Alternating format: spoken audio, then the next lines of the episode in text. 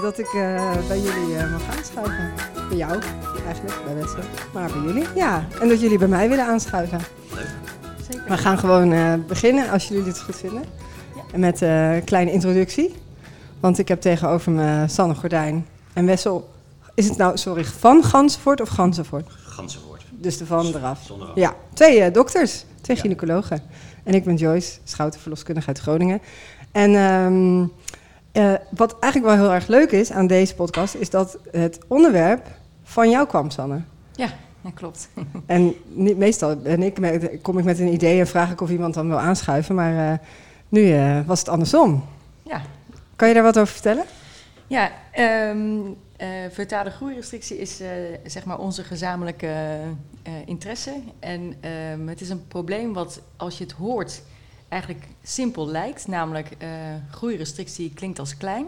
Mhm. Maar in de praktijk is het niet zo simpel. En zijn wij eigenlijk van plan, of we- wat ons doel is, is ehm, de kinderen die eigenlijk normaal van grootte lijken, maar kleiner zijn dan ze zouden moeten zijn, om die ook in de toekomst goed te kunnen vinden. En de gezonde kleine kinderen in de toekomst te kunnen vinden. Ja, want even gewoon voor je, iedereen. Je hebt natuurlijk allerlei variaties van hoe kinderen groeien in de buik. Je, de kinderen die worden geboren, en dat zijn de achtponders en de, eh, en de negenponders en ook de, de kleintjes. Wa- waarom- je wil dat wel graag weten, blijkbaar. Vooral de, dus de kleine kinderen, zoals Nou, jij dat nu zegt. Eh, eigenlijk is het zo dat elk kind een eigen optimaal eh, groeipatroon heeft. Mhm. En voor het gemak hebben we bedacht dat kleine kinderen misschien niet hun optimum gehaald hebben. En dat is vaak ook zo. Ehm, maar er zijn ook kleine kinderen die hun optimum wel gehaald hebben. En, dat en wat bedoel je met optimum? Die gewoon niet zwaarder hoefden te worden dan eh, dat lage gewicht. Omdat ze gewoon gezond zijn en goed, zich goed ontwikkelen in de buik. Ja. Dat bedoel je? Dat, ja. is, dat, is, dat was hun optimale eindpunt Ja. qua grootte. Maar er zijn ook kinderen die als optimale eindpunt 8 pond hebben. Mhm. En die worden 7 pond. En die zijn dus eigenlijk een pond te licht. Eh, En die kinderen die hebben een groeiprobleem wat we eigenlijk niet goed zien. Dus er zijn twee kanten aan eh, eh, de feutale groeirestrictie, zoals wij dat noemen in de medische termen. Mhm. Die eigenlijk niet zo goed eh, in beeld zijn. Dat zijn de gezonde kleine kinderen en de ongezonde, wat grotere kinderen. Ja. En ja, dat is het onderzoek wat wij doen. En daarom wilde ik graag dat we naast de afgesproken podcast nog een podcast zouden maken. namelijk over dit onderdeel. Ja, ja. En, ehm, maar hoe je er nu over vertelt, klinkt het al wel echt best wel ingewikkeld. In de zin van, wanneer is een baby dan, zelfs al zou die 7 pond wegen, toch al kleiner dan die eigenlijk zou moeten zijn? Dus waar doen jullie dan onderzoek naar? Nou ja, dat is precies eigenlijk wat het punt is. Ja, Dat je, eh, om de, we hebben maar redelijk beperkte gereedschappen om, om te kijken naar, naar, om te bedenken van elke baby wat dan normaal is voor, Mhm. voor deze baby. En daarbij moeten we proberen dat te relateren aan eh, wat normaal is binnen de hele bevolking. Niet, alle, niet iedereen groeit hetzelfde. nee. Loop maar door de Kalverstraat of welke winkelstraat ook. Daar heb je allerlei verschillende variaties in. Hoe lang mensen zijn, hoe breed mensen zijn. Ehm, net zoals je van allerlei andere kenmerken van mensen verschi- verschil Ja. hebt. En de uitdaging is om iets te zeggen. Hè, als je het dan hebt over een baby die te klein is, dan, dan gaat het vooral over de, dat dat dan komt om de, omdat ze te beperkt worden gevoed via de placenta of de moederkoek. Mhm. En dan is dus de uitdaging om, de, om daar signalen van te vinden, om te bedenken of een baby die klein is, of dat komt omdat hij beperkt wordt, of omdat hij gewoon precies zo groot is als hij had moeten zijn. Ja. Of inderdaad bij in die, in die categorie die helemaal niet te klein lijkt, zijn er toch aanwijzingen dat er misschien een probleem is met de functie van de moederkoek. Ja. Ja, en dat, Ja. dat is inderdaad, en dat- is helemaal, dat is helemaal niet zwart-wit. En dat maakt dit inderdaad een, tot een heel ingewikkeld en verwarrend eh, onderzoeksgebied. Verwarrend, omdat de boodschap die je ook moet geven aan patiënten, als ze verwezen Mhm. worden met uw baby is te klein, dan is dat vaak eh, ja, heel, dat levert vaak veel gestresstige eh, Ja. hoofden op. Ja. Want ja, je wilt toch dat, dit is toch, eh, het, gevoelsmatig is dit heel bedreigend, want Ja. nou, mensen rela- relateren dat toch aan de slechte uitkomst van de zwangerschap. En, en terecht, want als de placentefunctie echt be- bedreigd is, dan, ehm, ja, dan, dan is er ergens achter de horizon zou dat kunnen gebeuren. Dat is ook een reden Ja. waarom, er zorg, waarom er zorg aan gegeven wordt. Eh, Ja, en dat bedoel je dat, dat er iets niet goed gaat met de baby? Ja, dat hij dat Ja. hij niet gezond is? Ja. Ja.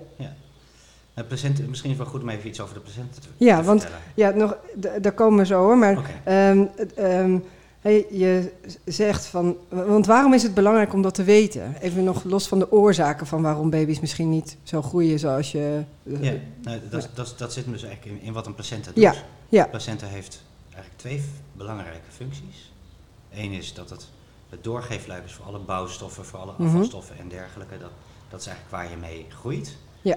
En dat is dus ook wat je dan in een te beperkte groei kunt terugvinden als de functie niet optimaal is. En het tweede belangrijke wat de baby doet is, is ademhalen via de placenta. Dus de, de uitwisseling van zuurstof en kooldioxide, dus, hè, dus het af- Ja. afvalgas. Ehm, en op het moment dat dat bedreigd raakt, dan is dat uiteindelijk ook, kan een baby daar ook aan, aan doodgaan, Ja. zeg maar. Hè? Dus Ja. dat, eh, dat is gelukkig een, een zeldzame uitkomst, maar dat is wel zeg maar het, eh, het, het Wat je dreigende ja. gevaar, wat bij iedereen er een beetje overheen ligt, waardoor, het- waardoor het zo'n belangrijk en beladen onderwerp wordt vaak. Ja. Want je zegt al van het, het, komt niet, eh, hè, het komt niet heel vaak voor, maar hoe vaak is het dan ook echt? Kan je, dat is natuurlijk moeilijk om in cijfers uit te drukken, maar hoe vaak is het nou echt zo dat als jullie baby's monitoren, die, eh, waarvan je zou verwachten dat ze beter zouden groeien of dat ze een soort van stagneren in de groei, dat er ook daadwerkelijk echt iets hè, aan de hand is? Ehm, eh, ja, een, een ruwe schatting is dat ongeveer 10% van de kinderen is, eh, noemen we te klein. Mhm. En daarvan, daarvan is ongeveer de helft, en daar gaan we dus allerlei eh, eh, extra voor zorgen, ongeveer de helft daarvan heeft ook daadwerkelijk een eh placenta-functieprobleem. Ja.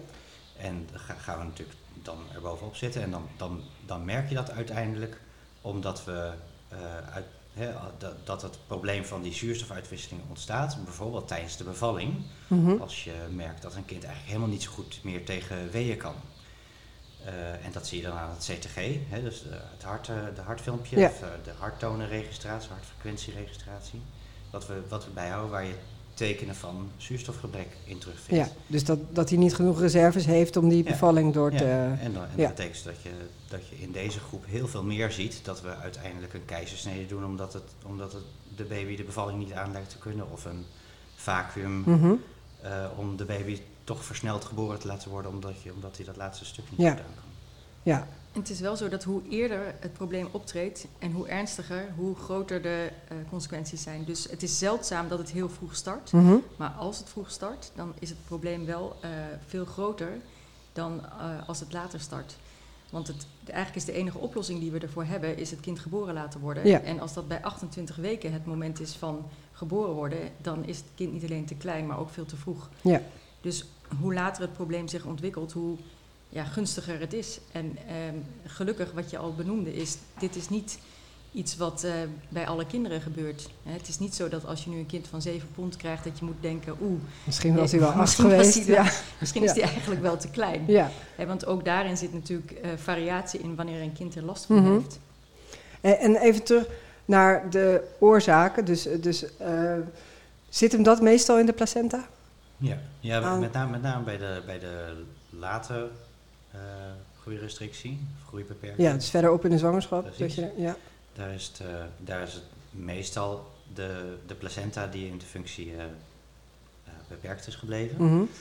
En bij de, bij de hele extreme varianten zie je wat vaker dat er eh, bijvoorbeeld ook een virus speelt. Of dat er, Ja. ehm, eh, of dat er toch een, een aangeboren, dat het onderdeel is van een aangeboren afwijking of een syndroom. Dat en- er nog iets met de baby echt is. ja, ja. dus dat de baby, kijk, een, een baby die, een, een pasgeborene die heel ernstig ziek wordt, die groeit ook een tijdje niet. Nee. Dus een, een, een niet geboren baby die heel erg ziek wordt van een bepaald virus, het cytomegalovirus is daar het meest bekend van, Ja. die groeit ook een tijdje niet. Ja. Dus daar, daarvan kun je, eh, daar denken we soms ook wel over na, met name als er ook aanwijzingen zijn bij de echo. Ja. Eh, daar zijn Ja. specifieke dingen die je kunt zien, waardoor je dan ook daar ook op kunt gaan testen. Ja. Oké, dus even ehm, bij het begin beginnen. Ik ben eh, verloskundige in de eh, eerste lijn in de praktijk. Ik heb een zwangere die verder gezond is hè, begonnen bij mij op een gegeven moment. Ehm, nou, laten we zeggen week of dertig, dus ze heeft twintig weken echo gehad. En ik denk, nou, het lijkt wel alsof de buik echt haast niet groeit met de controles die ik doe. En ik verwijs haar met die indicatie naar een van jullie. Wat, wat gaan jullie dan doen? Wij gaan met de echo kijken mhm. wat de grootte van de baby is. Ehm, en we gaan, als we denken dat de baby eigenlijk niet zo goed groeit, gaan we naar doorstromingsprofielen kijken in de navelstreng en in het hoofd van de baby. En de doorstromingsprofielen zeggen iets over de weerstand. Je kan je voorstellen als de weerstand in de moederkoek hoog is, en moederkoek is eigenlijk een hele slechte term, want het is een kindkoek. En de moederkoek is alleen maar materiaal van het kind. Ja. Dus alle bloedvaten in de moederkoek zijn van het kind. Als de weerstand in die vaten hoog is, is die zuurstof- en voedingsstoffenuitwisseling eigenlijk ingewikkeld. Ja. Dat kunnen we dus meten. Um, uh, wat een uh, baby als compensatie doet, is dat hij de meest belangrijke organen voorrang geeft. Mm -hmm. En dus de bloedvaat in het hoofd openzet, zodat de voedingsstoffen en zuurstoffen met name naar de, de hersenen gaan, want ja. die zijn het meest belangrijk. Um, uh, wat eigenlijk heel lastig is aan, uh, aan die diagnostiek, is dat ook hiervoor geldt dat voor elk kind het net wat anders is. Ja. En het is zo dat wij metingen doen die niet uh, altijd hetzelfde zijn. Hè, dus als ik een meting doe op minuut 1 en ik doe hem na vijf minuten weer, zit er net een subtiel verschil tussen. Ja, het is echt een momentopname. Een momentopname. Ja. En kijk, we hebben wel een aantal metingen waarvan we weten dat als die zo afwijkend zijn, dat we echt heel goed moeten opletten dat is als die weerstand in die navelstreng zo hoog is dat er eigenlijk niet uh, voortdurend goede doorstroming is. Uh, dan weten we, die meting die, uh, die wordt niet beter. Nee. Um, en alle andere metingen moeten we blijven herhalen en elke keer weer een boel gegevens verzamelen op dat moment om te kijken, vinden we dat het eh, kindje in gevaar komt of niet. Ja. Dus als het meevalt bij die eerste controle, dan gaat iemand weer gewoon terug naar huis kan uh, na een aantal dagen of na een week, afhankelijk wat het profiel is, terugkomen. Valt het tegen en twijfelen we, dan worden mensen eigenlijk al opgenomen en krijgen ze met het hartfilmpje bewaking van het kindje, omdat dat eigenlijk ons het meest zegt over de conditie op dat moment. Ja. Dat be besluit met name ook in de vroege periode het moment van een kind geboren laten worden of niet. En vroeg bedoel ik mee voor 32 weken. Ja. En Omdat je denkt, hij, hij krijgt het straks buiten de buik beter dan nu binnen in de buik. Dat is dan... En dat draait dan eigenlijk weer, hè, dus die, die eerste beoordeling als jij de patiënt hebt mm -hmm. verwezen, die draait als eerste om hoe ernstig is de situatie eigenlijk. En vervolgens, wat is nou de kans dat op korte termijn er een probleem ontstaat in ja. de ademhaling? En wordt de baby echt acuut bedreigd? Ja. En als we denken dat, dat die kans, dat het nog wel even duurt, ja, kun je naar huis en dan denken we dat, we dat die kans heel groot wordt. Mhm. Dan gaan we heel intensief kijken om dat moment op te sporen. Dat we vrij zeker weten dat het baby beter af is buiten de buik. Ja. ja met ademhaling bedoel je de uh, uitwisseling van zuurstof door de ja, placenta. Precies. precies. Ja, dat die niet. Uh, ja. en die kan levensbedreigend worden. Ja. Maar eigenlijk kunnen we dat met name vroeg redelijk goed dus voorspellen met uh, factoren die je daarvoor kan meten. Ja, oké. Dus hoe eerder je daar bij kinderen die je verdenkt van niet goed groeien daar naar kijkt, hoe um, meer je, uh, hoe zeg je dat, gegevens je hebt om uiteindelijk dat ja. te kunnen ja, uh, voorspellen. Het niet alleen over de, over de timing en dat je meer metingen hebt, maar in de hele vroege fase is het allemaal wat extremer. Okay. Het, het, laat zich wat duidelijker zien. Ja. En terwijl het wordt, uh, het probleem gaat zich wat meer verstoppen tussen de normale kinderen die ook klein zijn, mm -hmm. of de, ja. He, de, is het filteren lastig uh, misschien uh, of zo? Precies, ja. dus de, de, de, de, metingen die we doen worden wat minder overduidelijk. Ja, ja. En, maar ik, oh, ik heb echt allemaal vragen die ik dan nu dan denk. Oké, okay, maar en een daarvan is: hoe weet je nou dat je dat het echt gaat om een kind. Kijk, want ik snap dat als je zegt hoe eerder we dat signaleren, hoe meer we, hè, hoe, hoe, eerder, hoe beter we het kunnen zien en misschien hoe langer we het kunnen monitoren en beter. Maar volgens mij is de praktijk toch vaak dat ze niet al na de 20 weken echo, ja, bedoel, dan is het een heel ernstige setting, maar dat als we horen over te kleine of soms ook te grote kinderen, dat dat echt pas wat later in de zwangerschap is. Uh, Dus dan klinkt het ook alsof dat dan weer moeilijker wordt. Nou, de, de frequentie waarmee die hele extreme varianten zijn, dus Mhm. laten we dat zeggen om de 32 weken, dat, Ja. dat zijn ongeveer 0,3% van alle zwangerschappen. Dus dat is een heel klein, Ja. heel klein groepje. Ja. En daar, ja, wij werken in een academisch ziekenhuis, dus dat is een beetje onze wijk. Hè? Ja. Dus dat, is, eh, dat, dat, wij- dat zien wij veel, omdat het ook naar ons toe verwezen wordt op het moment dat het in kleinere zit. Dus dat is Ja, maar ik moet die verwijzen. precies. Dus, Dus, dus jij, maar maar in, in die situaties is, de, ehm, is zeg maar vaststellen welk kind nou eigenlijk een potentiële bedreiging heeft, Mhm. is niet zo heel moeilijk, omdat kinderen eigenlijk alle verschijnselen wel laten zien. Alle, Ja. hè, dus, dus, bij dus de hele extreme. alle metingen ja. zijn, we- zijn doorgaans wel afwijkend en eh, dan, ehm, ja, dan weet je het nooit helemaal zeker, maar eigenlijk heb ik dan maar eh, heel zelden dat, ik, dat mijn voorspellingen Ja. eh, eh, dat die totaal mis zijn en dat een kind gewoon 36 weken wordt of 37 Ja. weken. Dat, hè, dus, Nee. dus je, bij 28 weken kun je iemand echt wel goed uitleggen dat het ergens in de komende 1, 2, 3, 4 weken gaat gebeuren. Dat Ja. het moment komt dat we denken dat het baby beter geboren is. Beter, beter Ja. af is als hij geboren is. Ja. Maar nu nog niet. Nee. Want nu is er nog geen Nu gaat het goed. ademhalingsprobleem. Dus, Ja, eh, en nu gaat geen het dreiging. Prima. Ja. Dus daar, ga- daar gaan we bovenop zitten en op een gegeven moment komt dat moment. Snap ik, maar dat is een vrij duidelijk scenario. Zo is het. Ja, En dan krijg je dus die, laatste, die latere variant, ehm, waar de placentafunctie eh eigenlijk eh, relatief minder bedreigd is, Mhm. maar waarbij kinderen wel heel veel. ehm, ja, dat vind, dat vind ik altijd lastig om dat, om dat goed uit te leggen. Maar als je naar een groeicurve kijkt Mhm. van eh, normale zwangerschappen met een goede placentafunctie, dan zie je dat het eh, in, de, in de eerste helft, zo tot een week of eh, 34, dat het eigenlijk ehm, eh, ja, bijna exponentieel is. Oftewel, eh, elke, zwangers, eh, elke week ongeveer 20% erbij. En dat blijft maar doorgaan. Qua groei, Kun je ja, je nagaan ja. hoe dat is als, je, als, als, als, als wij 20% erbij... Voor mij is dat een beetje meer dan voor jou. Maar, Nou. eh, dat, maar dat, is, dat, is hartstikke, dat is hartstikke hard Ja. wordt er gegroeid. En tegen het eind van de zwangerschap vlakt die curve vlakt helemaal af. Ja. En, ehm, eh, en dat maakt het heel lastig om daar binnen dan te zien. Mhm. Du- dus, of, en dat geeft ook aan dat de placentafunctie uiteindelijk precies voldoende is om dat laatste gedeelte van de rijping ook nog te doen. En het Ja. laatste gedeelte. Maar, ehm, eh, en dat een beetje placenta functieprobleem misschien wel een klein beetje bij hoort. Alleen sommige kinderen is dat net te veel, Nee. waardoor ze de geboorte niet halen. Ja. En dat maakt ook dat, die- dat die verschijnselen heel erg, eh, heel erg subtiel kunnen zijn. En soms misschien ook dat het, zeg maar dat, dat tussen het moment dat er een functieprobleem aan het ontstaan is en dat Mhm. het uiteindelijk leidt tot die ademhalingsprobleem, dat het misschien maar relatief kort is, waardoor kinderen ook niet superveel te klein worden. En waardoor je dus ook een placentafunctieprobleem kunt hebben als je eigenlijk bedoeld was hartstikke groot te zijn. Ja. een stevige, Ja. stevige baby. En dan, en dan ben je misschien wel aan het afvlakken, maar je hebt helemaal niet zoveel. Het scheelt helemaal niet zoveel. En je, en je zit nog helemaal binnen het normale gebied. Mhm. En toch ontwikkel je dan al een placentafunctieprobleem. Ja. Dus dat betekent dat we heel erg naar die, ook moeten nadenken over die metingen van de placentafunctie.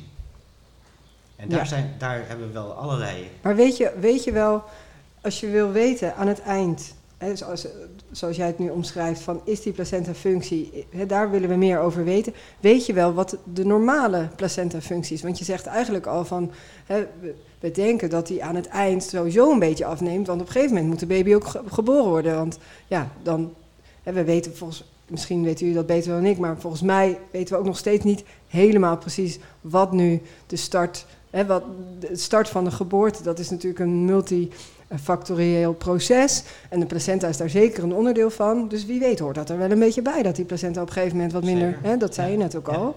Dus, ik- het is een beetje, eh, eh, eh, zeg maar, de evolutie van de koude grond, zou, zou ik het maar zeggen. Maar je kunt je heel goed voorstellen dat die, dat die placenta-functie, dat die langzamerhand afneemt na Mhm. het eind van de zwangerschap en inderdaad ook een trigger kan vormen naar het starten van de bevalling.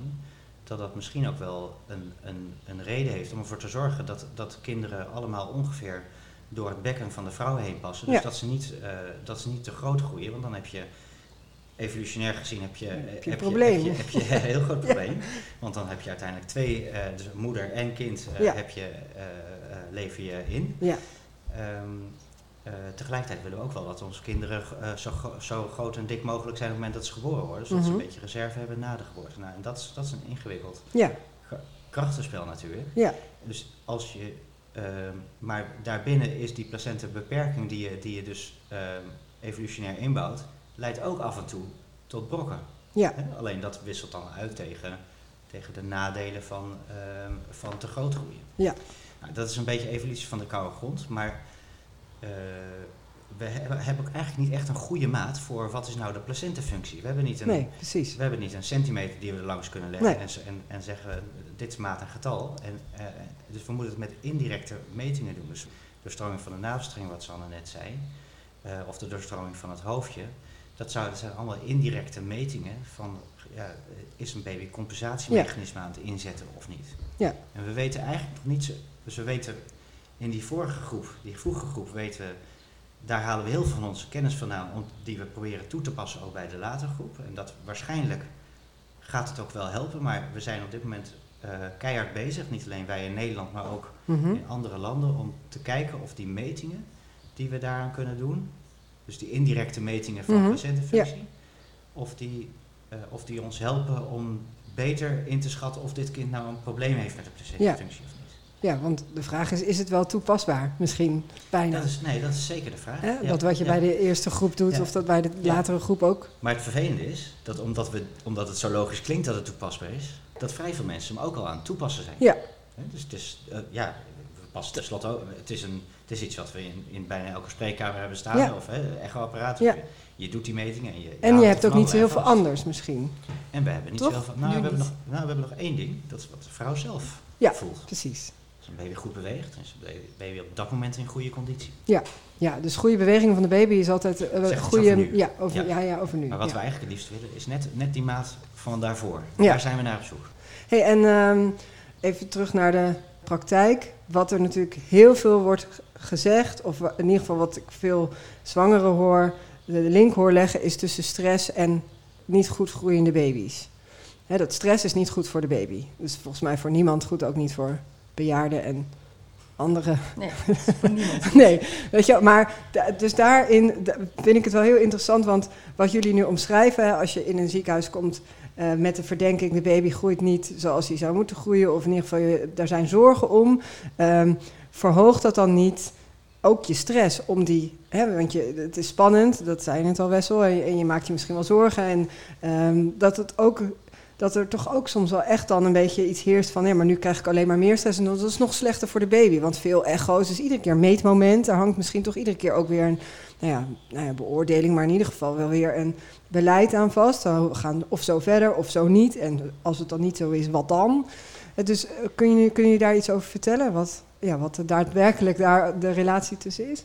Ik denk dat stress een, eh, zeker een bijkomende factor eh, zou kunnen zijn. Maar oorzakelijk denk ik dat we het niet... Als je alleen maar stress hebt en al, al het andere is goed... zal het probleem eh, denk ik relatief eh, klein zijn. Ja, Alleen, we weten dat eh, in bepaalde situaties stress vaker voorkomt. Ehm, dus eh, het leidt wel tot eh, bijvoorbeeld een wat hogere bloeddruk. En die hogere bloeddruk Ja. is, eh, heeft ook weer invloed op je moederkoek. En als je eh, überhaupt eh, gestrest eh, bent of een stressvol bestaan hebt, dan, en je hebt al langer een wat hogere bloeddruk door de hormonen die daarvan Mhm. vrijkomen, dan heb je wel degelijk meer kans op dat ook de placenta in aanleg niet zo goed is. Ja, dus het zal wel bijdragen als je gestrest wordt van de situatie als iemand je vertelt dat je kind misschien te klein is. Mhm.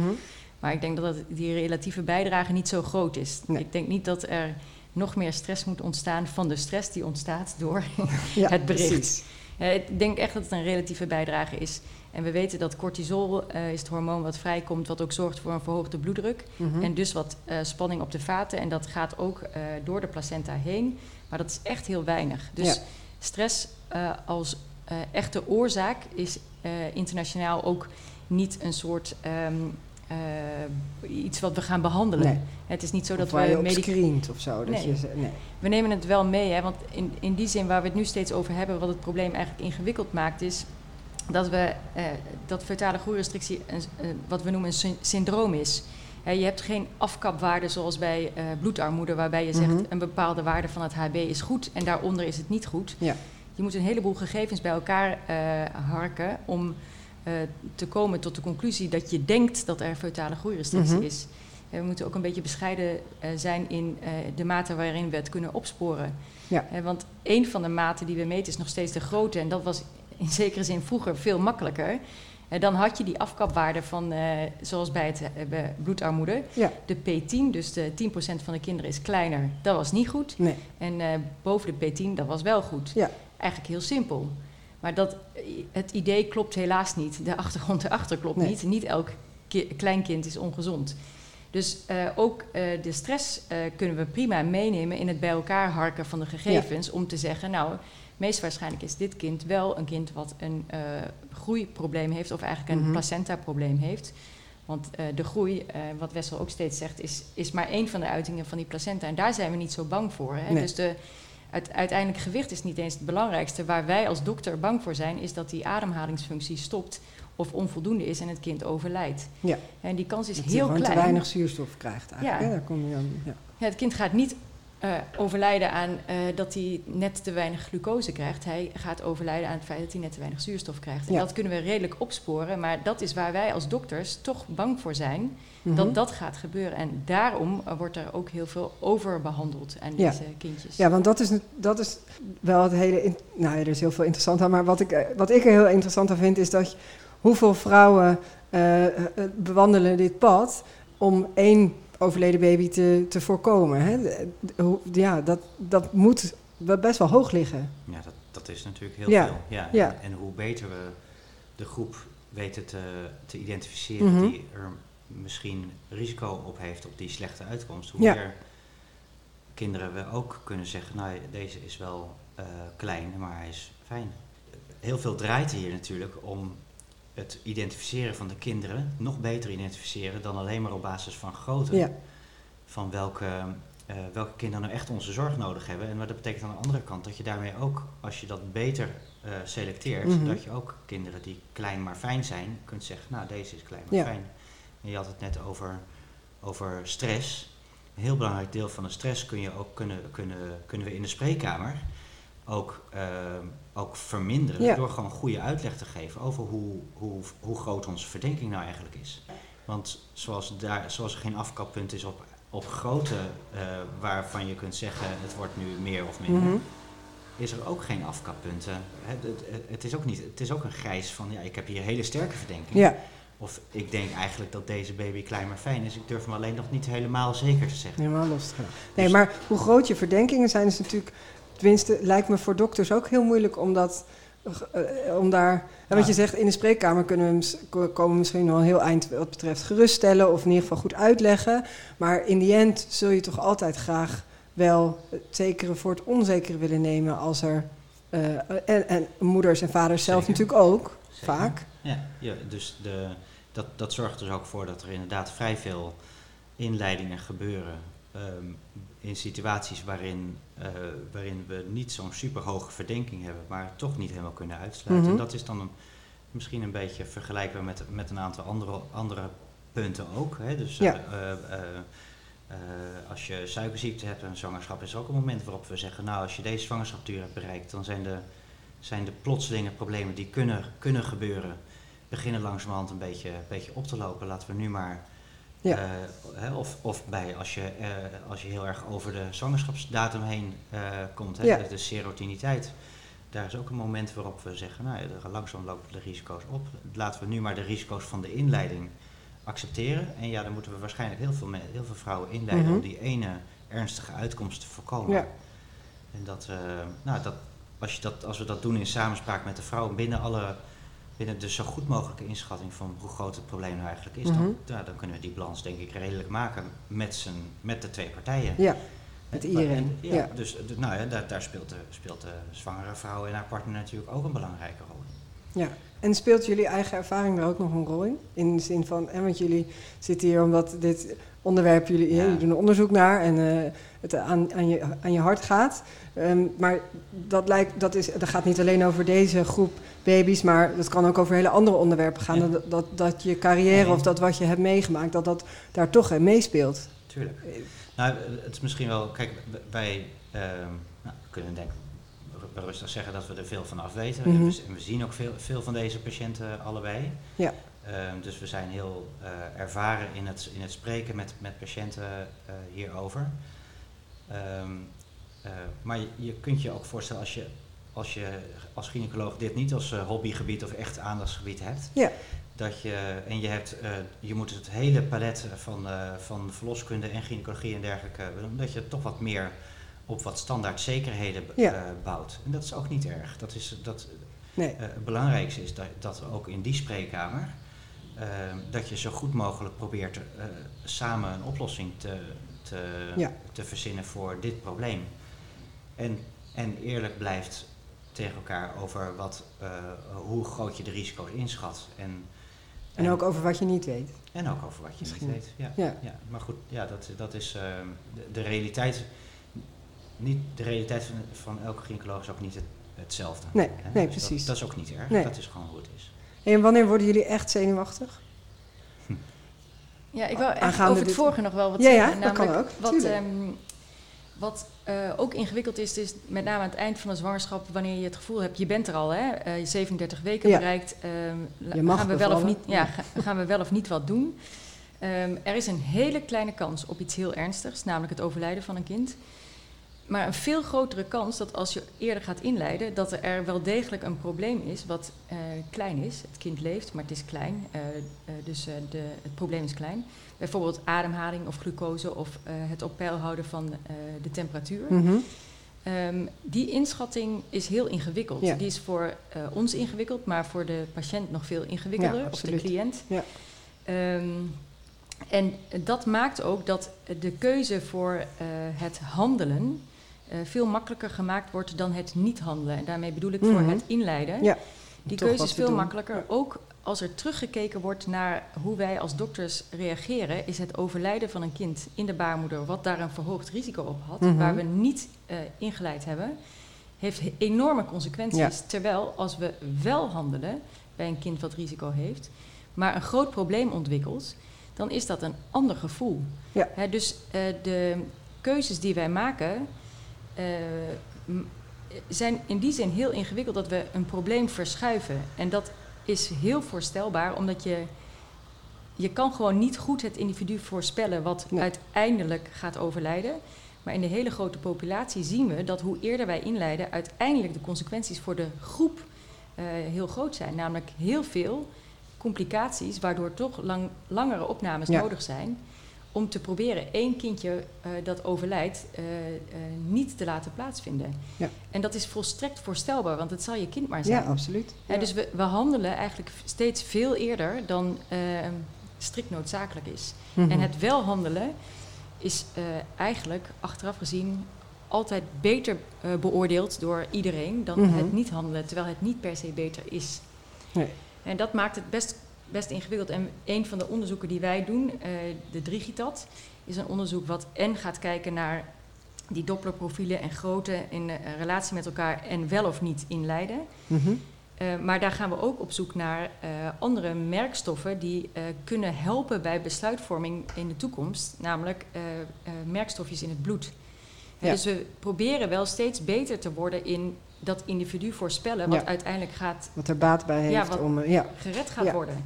En dat, is, ik, die, uh, dat vind ik een heel ingewikkeld aspect aan uh, de zorg voor uh, kindjes met feutale groeirestrictie, omdat het gevoel zegt: laten we maar halen. Snel eruit. Dan, dan is het oké, okay, dan, dan leeft het kindje. Terwijl in die end kan het kind uh, echt levenslang daar uh, bij wijze van spreken problemen mee hebben. Ja, door, het, die, door het vroeg geboren te worden. Ja, als die 41 weken had moeten blijven zitten ja. en dus 41 weken had moeten rijpen, want zoals voor grote geld geldt ook voor zwangerschapsduur, per individu verschilt dat. Mm -hmm. Dan heb je een kind dus vier weken preterm geboren laten worden. Ja. Hè, als je hem bij 37 weken haalt. En dat vind ik een, uh, een ingewikkeld aspect aan de zorg voor uh, uh, kindjes met feutale groeirestrictie. Ja. En hoop, ik hoop ook echt dat wij met de studies die wij doen beter in staat zullen zijn in de toekomst te zeggen: dit kindje kan rustig nog even blijven zitten en dit kindje moeten we halen. Ja. En nu mag jij antwoord geven op wanneer het. wanneer je echt zenuwachtig, echt wordt. Zenuwachtig wordt. nee, maar dat is natuurlijk een beetje een flauwe vraag. Maar als dokter zie je natuurlijk wel. Hè, jullie, je zijn het zelf, jullie werken alle twee in de academisch ziekenhuis. Dus daar komen echt de echte ingewikkelde. Ik bedoel, mijn, ik werk niet in een academisch ziekenhuis en ik vind het soms ook heel ingewikkeld, mijn, mijn werk, omdat het mensenwerk is. En, Mhm. eh, maar ja, jullie zien wel een hele ingewikkelde casus. eh, hè? Ja, ik denk, ik denk dat op zich dat ehm, de term zenuwachtig is, is misschien. eh, dat, dat worden wij Ja, dus jullie worden niet, nee, oké. nee, Ongeru- nou Nou, eh, wat is dan wel een goede term? Ongerust. Nee, of maar eh, alert. onrustig? Alert? Alert? Is dat Ja. een goeie? Ja? Ehm, nou, op het moment dat, dat ehm, waar we het eerder over hadden, als je meerdere tekenen hebt die, Mhm. die, die wijzen op dat het, dat het moment daar, dat, dat, er, dat er potentieel een ademhalingsprobleem gaat ontstaan. Ehm, zowel, en dat maakt eigenlijk niet uit bij welke, bij welke zwangerschapsduur dat is. Eh, ja, dan, dan ga, je, ga je er bovenop zitten.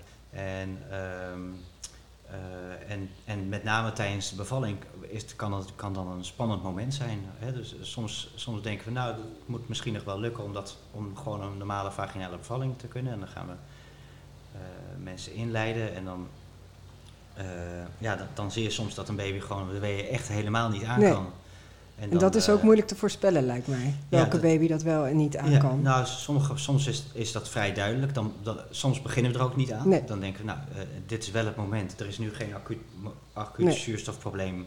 Maar we vinden wel dat hij nu geboren moet worden. Maar we denken dat hij echt geen weeën aan kan. Mhm. Dus gaan we nu in alle rust keizersnede Keizersnede, doen. Snap ik. Ehm, maar, maar soms is het ook eh, nou ja, eh, toch een hele reële kans dat het wel lukt. Laten we het proberen, maar laten we er bovenop zitten. En dan, dan zie je soms dat een kind bij wijze van spreken bij de eerste wee eh, een heel slecht patroon laat zien. Wat, wat erop duidt dat hij er echt gewoon een hele, dat hij echt op zijn allerlaatste limietjes Ja. eh, liep. Ja.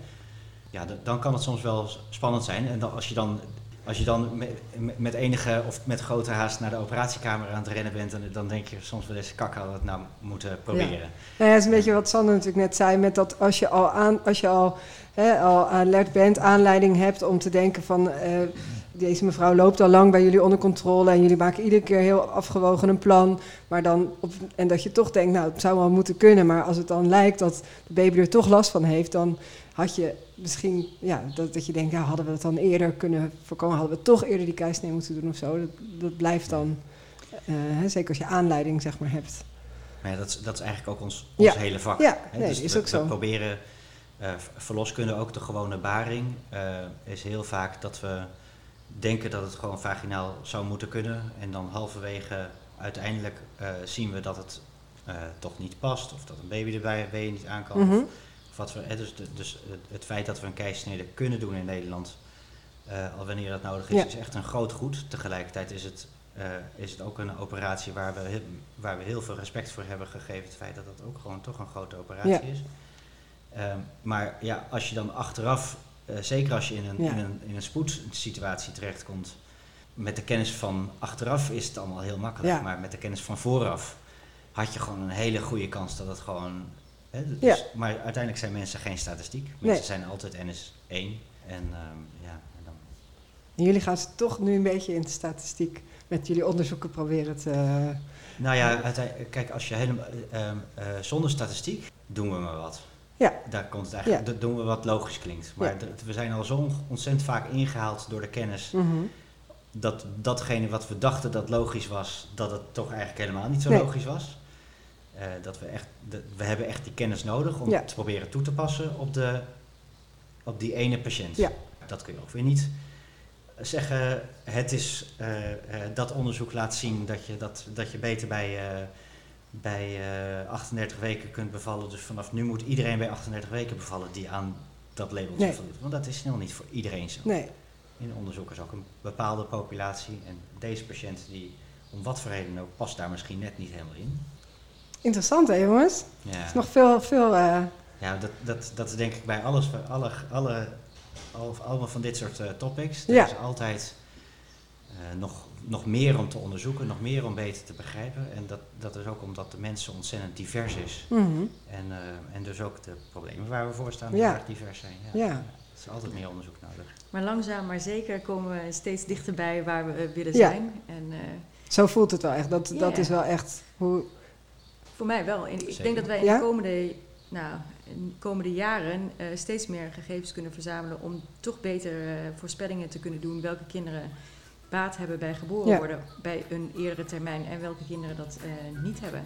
Dus uh, wij hebben goede hoop dat wij uh, nou ja, langzaam maar zeker, want het duurt altijd lang, maar Ja. toch steeds beter gaan worden. Leuk. Dank jullie wel voor deze uitgebreide uitleg en eh, alles wat ik geleerd heb. Thanks. Graag. Nou, fijne dag. Ja, Hier.